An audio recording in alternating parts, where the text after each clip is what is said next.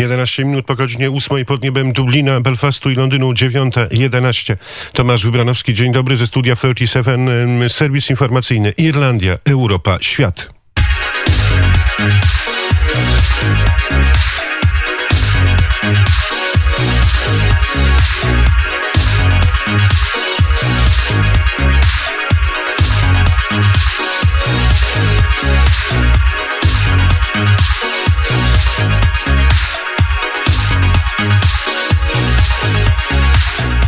Ale najpierw dwie informacji z Polski. Premier y, Mateusz Morawiecki powiedział, w walce z koronawirusem ściągamy sprzęt z całego świata i uruchamiamy produkcję krajową.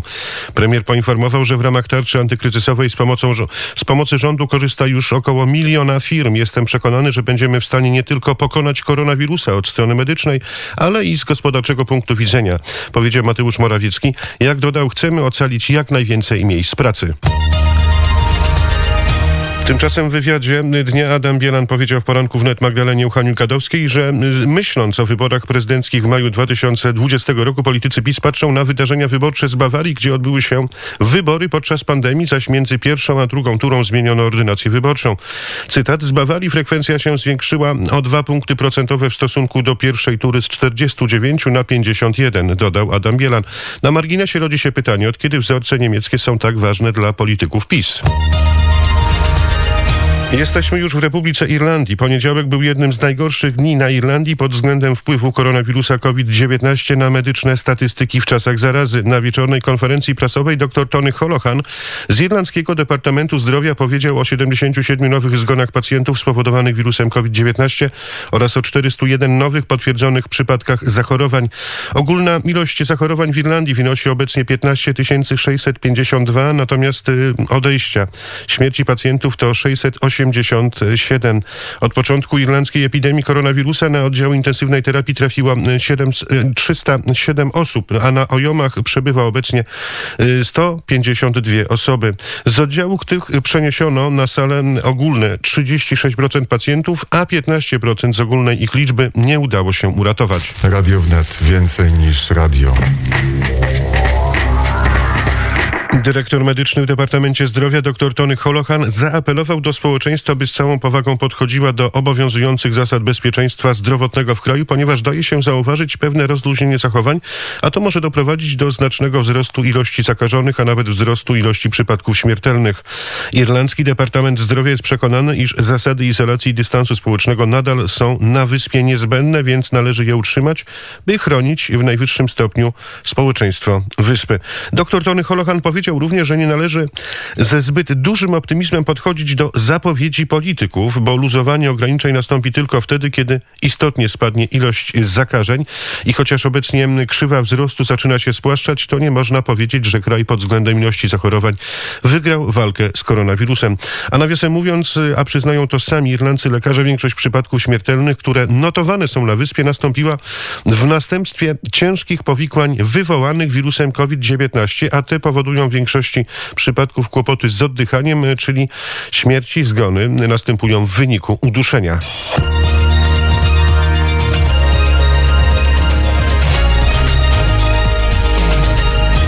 Irlandzki Skarb Państwa chwieje się w posadach. Rządowy program wsparcia finansowego dla osób y, tracących pracę w związku z epidemią koronawirusa kosztować będzie kraj prawie 4,5 miliarda euro i to tylko w ciągu trzech miesięcy.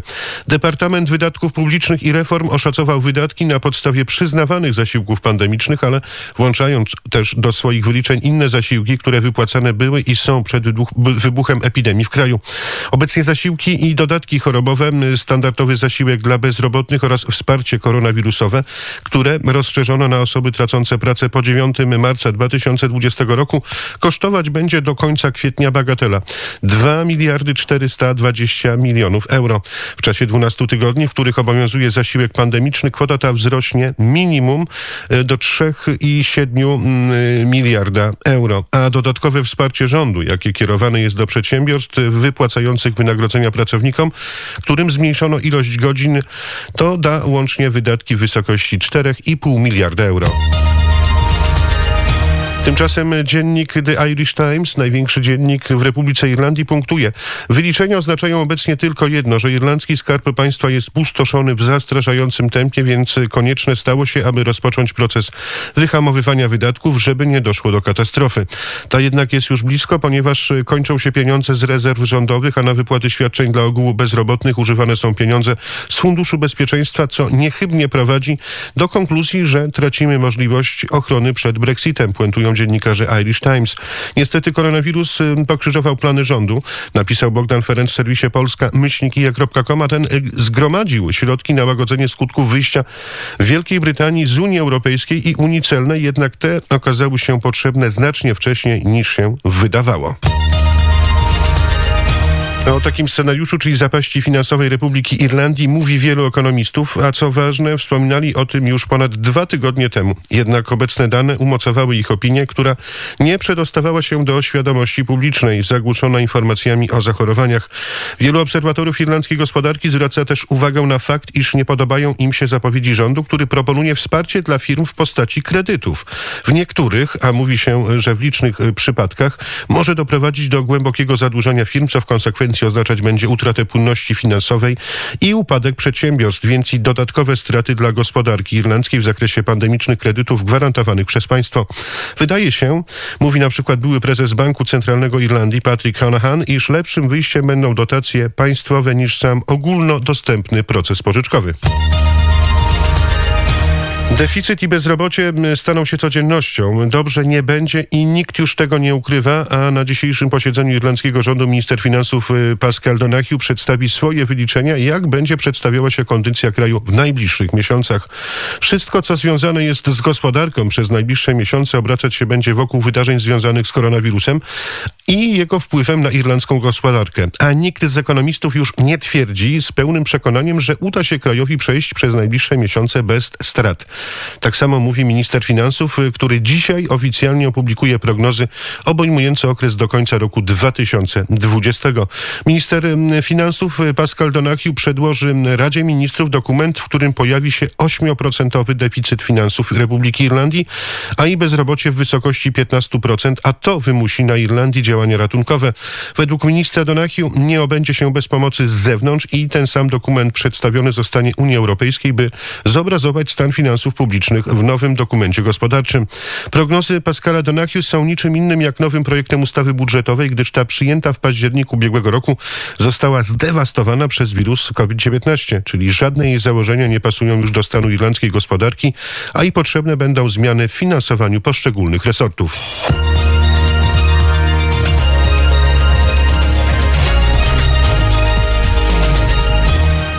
A teraz o projekcie raz jeszcze, bo w projekcie zaktualizowana została również ocena stabilności gospodarki do końca 2020 roku, a sam dokument z końcem tego miesiąca przesłany będzie do Unii Europejskiej, by skorygować dane, jakie zawarte były w poprzedniej analizie.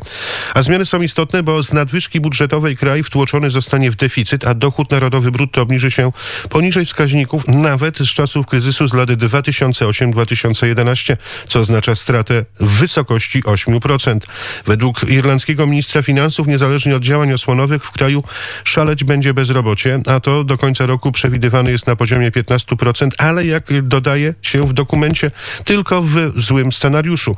Wydaje się także, iż uruchamianie gospodarki zniweluje częściowo wskaźniki osób pozostających bez pracy, jednak nie na tyle, by mówić o niewielkim wpływie koronawirusa na miejsca pracy.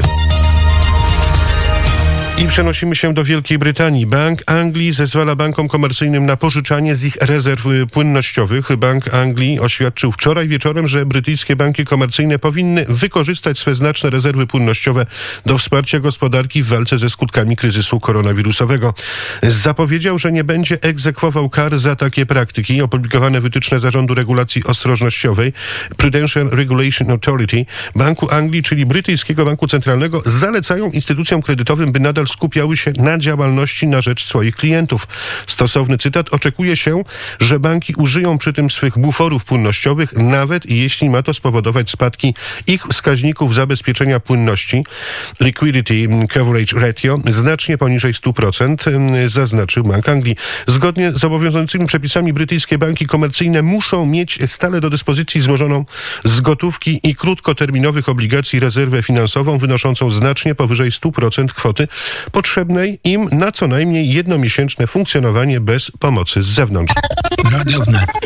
Jak wskazuje agencja Reutersa, organy nadzorcze chcą od banków przyspieszenie akcji kredytowej w ramach rządowego planu wspierania przedsiębiorstw poszkodowanych przez pandemię, a celem dyrektywy jest zapewnienie pożyczkodawców, że nie staną w obliczu sankcji, na jakie byliby w normalnej sytuacji narażeni. Redukcja tego wskaźnika nawet poniżej 100% nie spowoduje jakichkolwiek automatycznych restrykcji. Y, zapowiedziano również, że po kryzysie da się bankom wystarczającą ilość czasu na uzupełnienie rezerw płynnościowych do wymaganego poziomu. I już jesteśmy we Włoszech, panie i panowie. Premier Włoch Giuseppe Conte w wywiadzie dla dzisiejszego e, Soi Deutsche Zeitung po raz kolejny skrytykował Unię Europejską i wezwał do większej solidarności, szczególnie teraz w okolicznościach walki z koronawirusem. Conte domaga się emisji tak zwanych euroobligacji.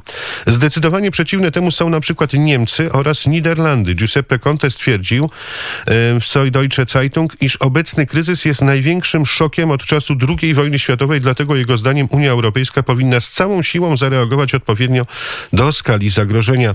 W tym wywiadzie premier Włoch ostro skrytykował Niemcy i Niderlandy, zarzucając im egoizm. Jego zdaniem Niemcy, które utrzymują dużo większą nadwyżkę handlową niż przewidują unijne przepisy, nie są lokomotywą, lecz hamulcowym Unii Europejskiej. Niemieccy politycy w odpowiedzi włoskiemu premierowi zarzucili mu, że wykorzystuje koronakryzys do własnych politycznych celów i ambicji. Polityk Partii Zielonych Reinhard Botikofer nazwał słowa Contiego złymi i złośliwymi. Tego typu kłamstwa mogą rozbić Unię Europejską, powiedział niemiecki polityk. Niemieccy politycy wspierani przez niemieckich ekonomistów nie chcą zgodzić się na włoski postulat wypuszczenia wspólnych obligacji strefy euro, aby ratować włoską gospodarkę przed skutkami koronawirusa. Berlin twierdzi, że wystarczy wprowadzić program pomocowy w wysokości około 500 miliardów euro.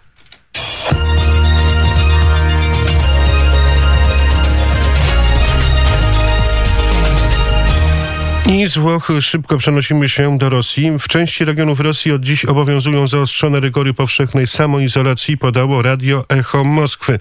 Według ostatnich danych w Federacji Rosyjskiej liczba zakażonych koronawirusem sięgnęła 43 tysięcy, a w Moskwie patrole policji wpuszczają do miasta tylko samochody ze stołecznymi numerami rejestracyjnymi lub kierowców dysponujących odpowiednimi dokumentami. W Lżewsku i innych miastach Udmucji ustawiono blokady na rogatkach. Podobno środki podjęto w Tatarstanie, kraju krasnodarskim, Czeczeni i kilkunastu innych regionach Rosji. W Jakucji zamknięto sezonowe trasy wyznaczone na zamarzniętych rzekach oraz ograniczono ruch na drogach asfaltowych. I jak poinformował rzecznik Kremla Dmitrij Pieskow, w tym tygodniu na szczeblu federalnym zostaną podjęte decyzje o kolejnym zaostrzeniu środków powszechnej samoizolacji. A w Stanach Zjednoczonych Biały Dom coraz ostrzej krytykuje władze Pekinu za ukrywanie przed światem informacji na temat zagrożeń koronawirusem. Doradca prezydenta Donalda Trumpa do spraw handlu Peter Navarro powiedział, że to Chiny muszą udowodnić, że wirus nie pochodzi z laboratorium w Wuhan. Zarzucił też Pekinowi, że zarabia na epidemii. W wywiadzie dla telewizji Fox News Peter Navarro powiedział, że działania chińskich władz pogłębiły kryzys spowodowany koronawirusem i zwiększyły liczbę ofiar śmiertelnych. Według doradcy prezydenta Stanów Zjednoczonych Donalda Trumpa Pekin wykorzystał swoje wpływy w Światowej Organizacji Zdrowia, by ukryć wirusa przed światem. Navarro wskazał też na fakt, że publicznie minimalizując zagrożenie w styczniu i lutym, Chiny importowały maski i sprzęt medyczny. I na koniec dzisiejszego serwisu, panie i panowie, jeszcze jedna bardzo ważna informacja yy, muzyczna, kulturalna, bo blisko 128 milionów dolarów zebrali artyści na walkę z pandemią koronawirusa, a koncert pod hasłem One World Together at Home transmitowany był częściowo w sobotę przez amerykańskie stacje telewizyjne. Wystąpili m.in. Elton John, Stevie Wonder, The Rolling Stones, Celine Dion, Taylor Swift, Jennifer Lopez i Lady Gaga. Muzycy zagrali w swoich domach i ogrodach, panie i panowie. A w trwającym ponad 8 godzin koncercie uczestniczyli także znani aktorzy, sportowcy, dziennikarze, w tym prezenterzy popularnych w Stanach Zjednoczonych programów rozrywkowych jak Stephen Colbert, Jimmy Fallon i Jimmy Kimmel, a także była pierwsza dama Michelle Obama. Wszyscy zgodnie dziękowali lekarzom, pielęgniarkom i służbom medycznym za pomoc w walce z koronawirusem i apelowali o pozostanie w domach w celu powstrzymania rozpowszechniania się tej groźnej choroby. Zebrane podczas koncertu pieniądze, dokładnie 127 milionów 900 921 116 euro, y, dolarów, przepraszam, y, trafił na konto Światowej Organizacji Zdrowia. Finałową piosenkę zatytułowaną The Prayer wspólnie wykonali Lady Gaga, Celine Dion i Andrea Bocelli.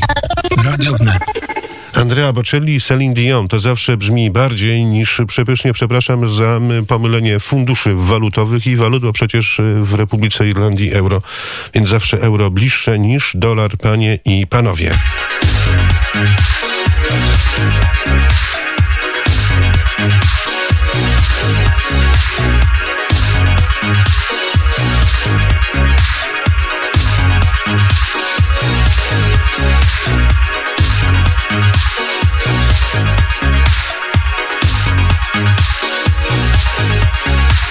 Jest dziewiąta minut 26 pod niebem Krakowa i Warszawy Radio Wnet y, ze studia 47, y, studio zamiejscowe Radio Wnet. Na koniec jeszcze jedna uwaga. Y, prosimy nie dzielić się fake newsami na kanałach społecznościowych, czy to Facebook, czy to inne kanały. A po drugie, reagujmy wtedy, kiedy osoby, które znamy albo są w naszym otoczeniu, atakują, szkalują i wytrącają z równowagi albo odsądzają od czci wiary personel medyczny, lekarzy i pielęgniarki. Takich przypadków jest coraz więcej, a więc osoby, które na pierwszej linii walki z koronawirusem ryzykują swoje życie i zdrowie, są odsądzane od czci i wiary. Pojawiają się przypadki, że w sklepach nie chce się pielęgniarek ani lekarzy obsługiwać, a ich mężowie albo małżonki są po prostu zwalniane przymusowo z pracy. To nie wystawia nam dobrego świadectwa, więc mamy w sobie coś dwulicowego. Z jednej strony klaszczemy w dłonie, mówimy wielkie dzięki biały personel, personelu, a z drugiej strony robimy to, co robimy. Smutna konkluzja na koniec dzisiejszego serwisu ze studia 37. Republika Irlandii, Wyspy Europa, Świat. Serwis przygotował i przedstawił Tomasz Wybranowski przy pomocy Katarzyny Sudak, Bogdana Ferenca, portal polska, myślnikije.com oraz Jakuba Grabiasza. Jest 9.28.